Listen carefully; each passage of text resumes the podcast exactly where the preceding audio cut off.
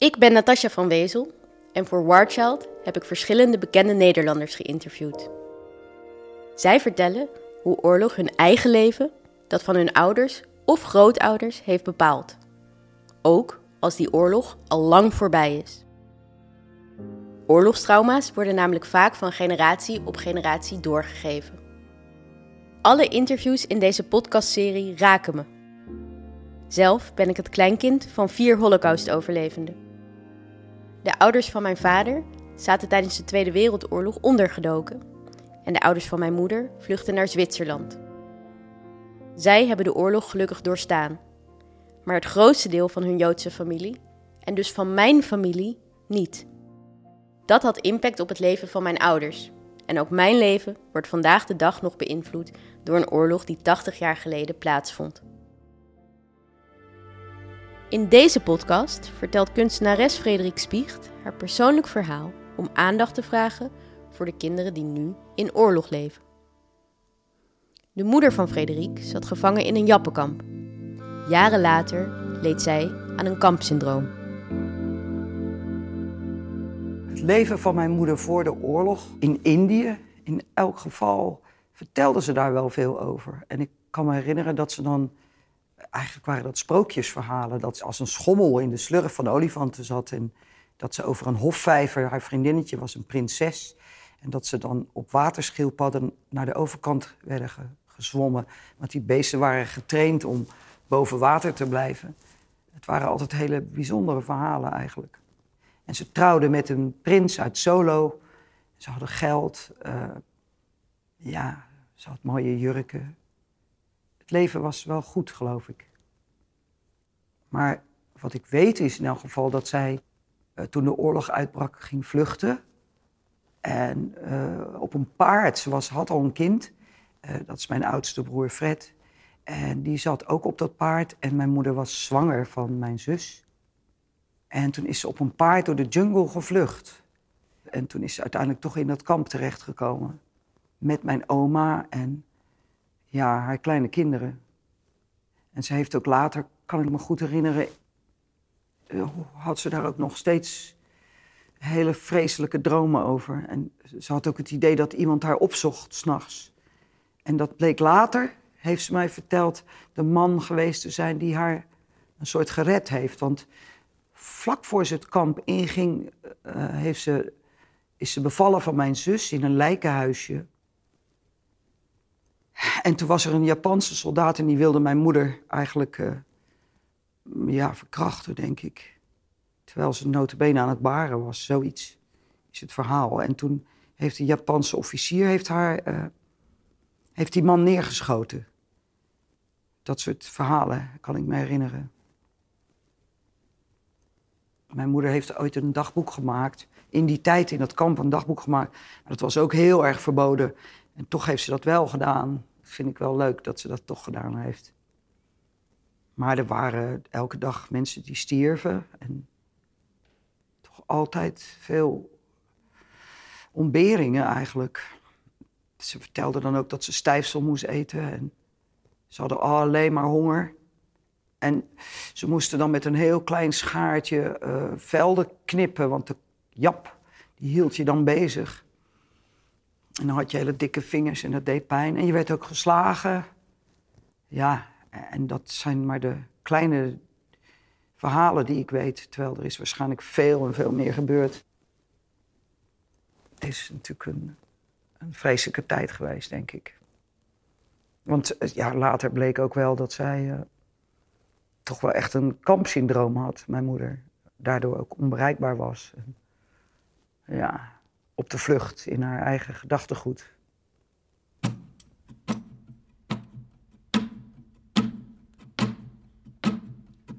Buigen voor de keizer. Buigen en een beetje snel. Buigen voor de keizer. Buigen op je kunt geen tijd verliezen. De tijd die staat hier stil. Je kunt smachten, snakken, wensen en dromen wat je wilt. Buigen voor de keizer. Voordat je de erg hebt, ben je eigenlijk je hele leven kind bezig om je moeder te ontzien. Dat zijn natuurlijk dingen die je dan uiteindelijk later in je leven tegenkomt. Staan ze op je handen en slaan ze met een koppelriem. We zullen buigen, maar niet breken dit helse kampregime. Mijn moeder was altijd een beetje ziek en we moesten haar laten. Ik ben een soort van groot gegroeid eigenlijk, niet echt opgevoed denk ik wel eens. Maar ik kan me wel herinneren, ik heb hele vroege herinneringen van mijn jeugd. Toen ik heel klein was en dat er een, een zuster in huis was en dat, ik, dat mijn moeder op bed lag en dat we daar niet heen mochten. Dat soort dingen kan ik me herinneren. Terwijl ik dat graag wilde natuurlijk. Je wil bij je moeder zijn. En pas veel en veel later kom je er toch achter dat dat toch een beschadigd iemand was... die, die eigenlijk helemaal niet echt moeder kon zijn. Mijn vader die, die, die, die protegeerde mijn moeder altijd. Die zei altijd, eh, zodra mijn, iemand in het gezin begon over het kamp... dan zei hij, nee, stop, niet over het kamp. Want hij wist waarschijnlijk dat mijn moeder daar, uh, ja, daarin weg zou zakken... of daar verdrietig over zou worden. Dat denk ik eigenlijk. Dus hij, hij beschermde haar eigenlijk. Maar ik denk dat het zeker zo is dat uh, er heel veel gezinnen kapot gegaan zijn door de oorlog. Hoe kom je weer bij elkaar? En ja, je bent ook zo jong en je zit in een soort droomwereld eerst. Daarna in de ontbering en daarna moet je dat weer oppikken. En, en dan ook nog in een, in een situatie waarin je eigenlijk compleet beschadigd bent.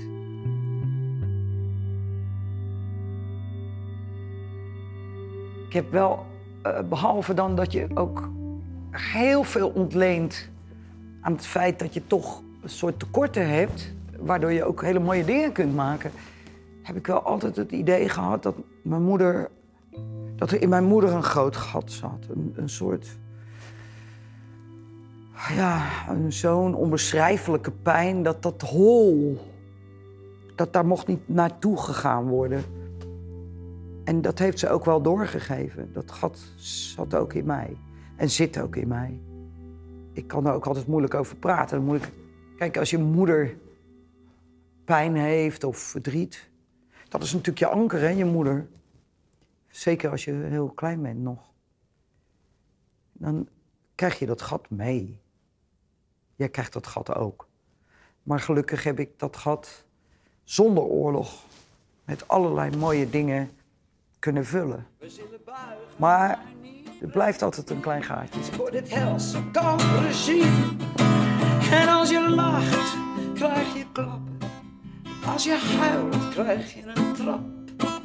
Als je hoopt op iets te eten, krijg je koude stijfselpap. Maar we zullen zegen vieren, het winnen van de dood. Dat mijn moeder gehavend uit de strijd gekomen is, zeg maar. Dat bleek zeker later in haar leven. Toen ging ze hallucineren. Toen zag ze, zag ze op het tapijt chitchaks. En zei ze, kijk, kijk, chitchaks. En uh, ging ze maar lijst praten en was ze echt compleet verward. Oh, buigen voor de keizer. Buigen en een beetje snel. Buigen voor de keizer. Buigen op appel. Kijk, dat stilhouden wat mijn ouders dus deden, dat was natuurlijk eigenlijk heel onverstandig. Het was onverwerkt en ik denk dat daarom mijn moeder ook later nog veel zieker geworden is en in een soort kramp terechtgekomen is. Die er nooit meer uitgegaan is. Ze was wel, ja, een uh, vrouw met een hele mystieke, nee niet mystiek, mysterieuze vrouw. Want ik weet wel dat ze net overleden was en dat mijn vader zei, ik heb haar eigenlijk nooit gekend. Terwijl ze waren wel heel gek op elkaar. Maar ze had natuurlijk geheimen en waar niet over gesproken werd. En ik denk dat er veel gebeurd is in dat kamp, wat haar voor de rest van haar leven gewoon toch voor een deel kapot gemaakt heeft. Dat weet ik eigenlijk wel zeker.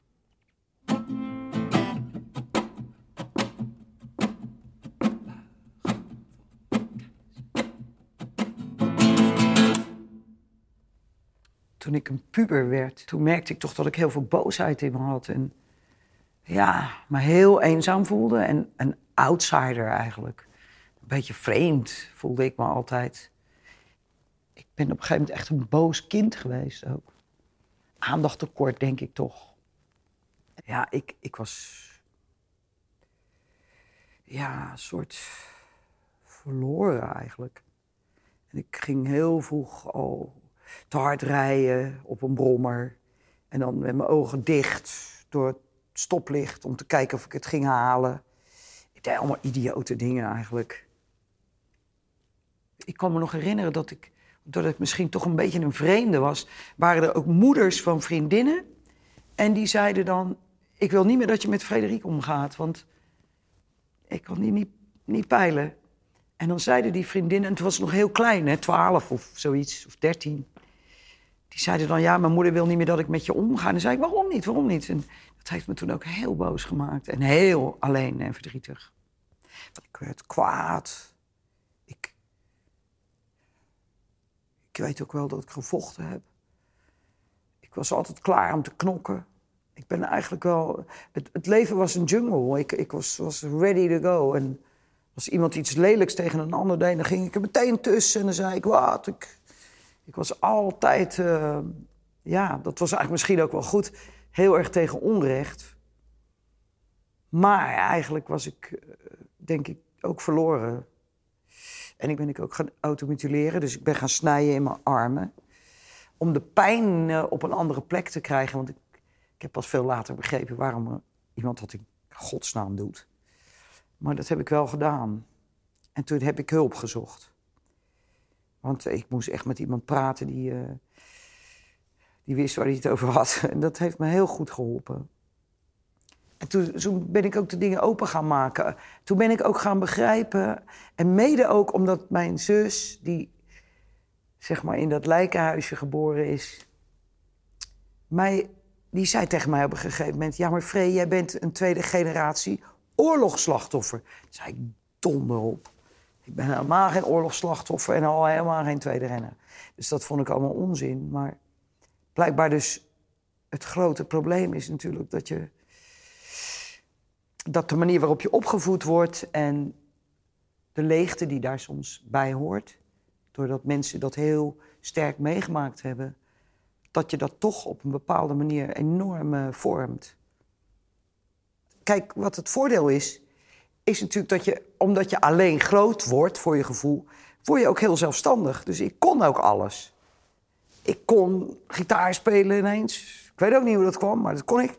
Ik kon een brommer in en uit elkaar halen, want er was geen geld. En ik ging gewoon onderdelen en stukken brommer bij elkaar. Toen had ik ook een brommer. Ik was gewoon handig. En dat is natuurlijk het grote voordeel van zelfstandig op, opgroeien.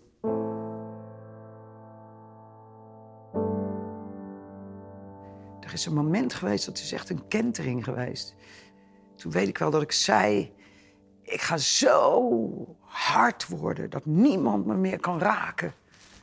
En toen was er een jongen, dat is een broer van een vriendinnetje, en die zei: Nee, nee, nee. Wat je moet doen is je moet heel erg zacht worden. Dan alleen kan niemand je meer raken.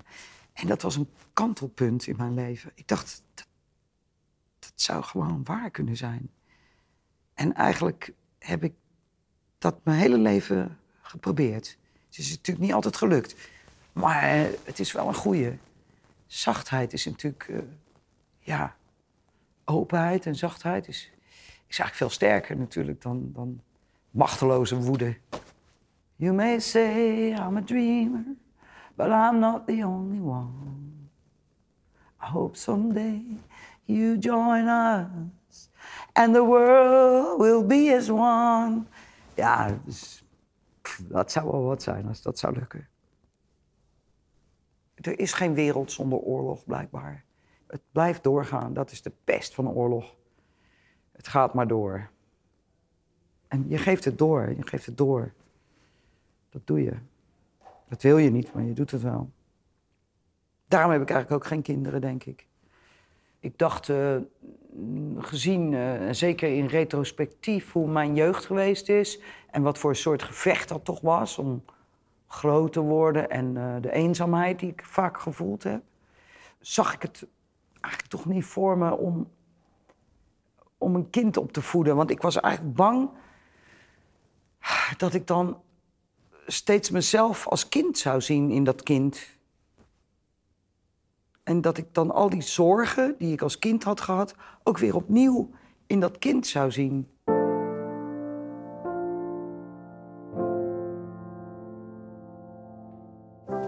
Ik zou niet weten hoe ik het had gedaan als ik niet een soort kunstuiting had gehad. Of iets, zeg maar, maken. Iets maken, dat is en het hoeft helemaal niet eens publiekelijk. Maar zodra je iets kunt maken, dan kan je in je eigen fantasiewereld.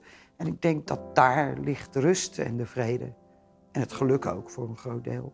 En omdat ik professioneel muziek ben gaan maken, heb ik er ook van kunnen leven. Tot op heden zelfs. Nou, wat mooi is dat. En het allermooiste vind ik eigenlijk wel, je maakt iets omdat het nou één keer moet. Je geeft het weg en anderen hebben er ook nog wat aan. Ah, wauw. Dat is echt uh, een van de mooiste dingen om te doen in het leven, vind ik. Als kinderen leren om te dansen, spelen, muziek maken, toneel spelen, iemand anders kunnen spelen en zich uiten in elk geval. Dan hoef je niet per se acteur te worden of whatever you're gonna do.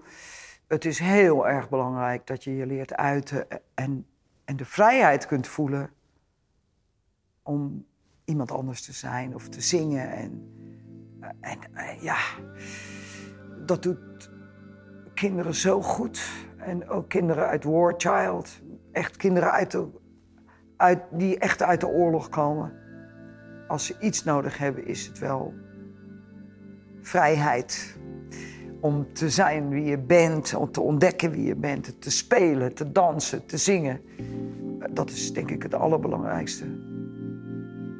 Het kan je redding zijn.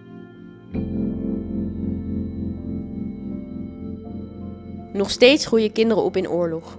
Bijna 200 miljoen wereldwijd. En ook nu maken deze kinderen vaak verschrikkelijke dingen mee. En lopen zo onzichtbare wonden op. Ze voelen zich boos, bang, kunnen anderen niet meer vertrouwen of kampen met depressies. En ook nu geven ouders de oorlog vaak door aan hun kinderen. En daarmee aan de generaties die nog komen. Er is één groot verschil. Anders dan vroeger kunnen we kinderen tegenwoordig wel helpen bij het verwerken van hun oorlogstrauma's. En dat is echt heel belangrijk. Met muziek, sport en spel helpt Warchild kinderen hun heftige verleden achter zich te laten. Hierbij helpen we ook hun ouders, zodat zij er beter voor hun kind kunnen zijn. Zo durven kinderen weer een toekomst op te bouwen. En voorkomen we dat oorlog erfelijk wordt. Wil jij ook je steentje bijdragen? Doneer dan nu via warchild.nl.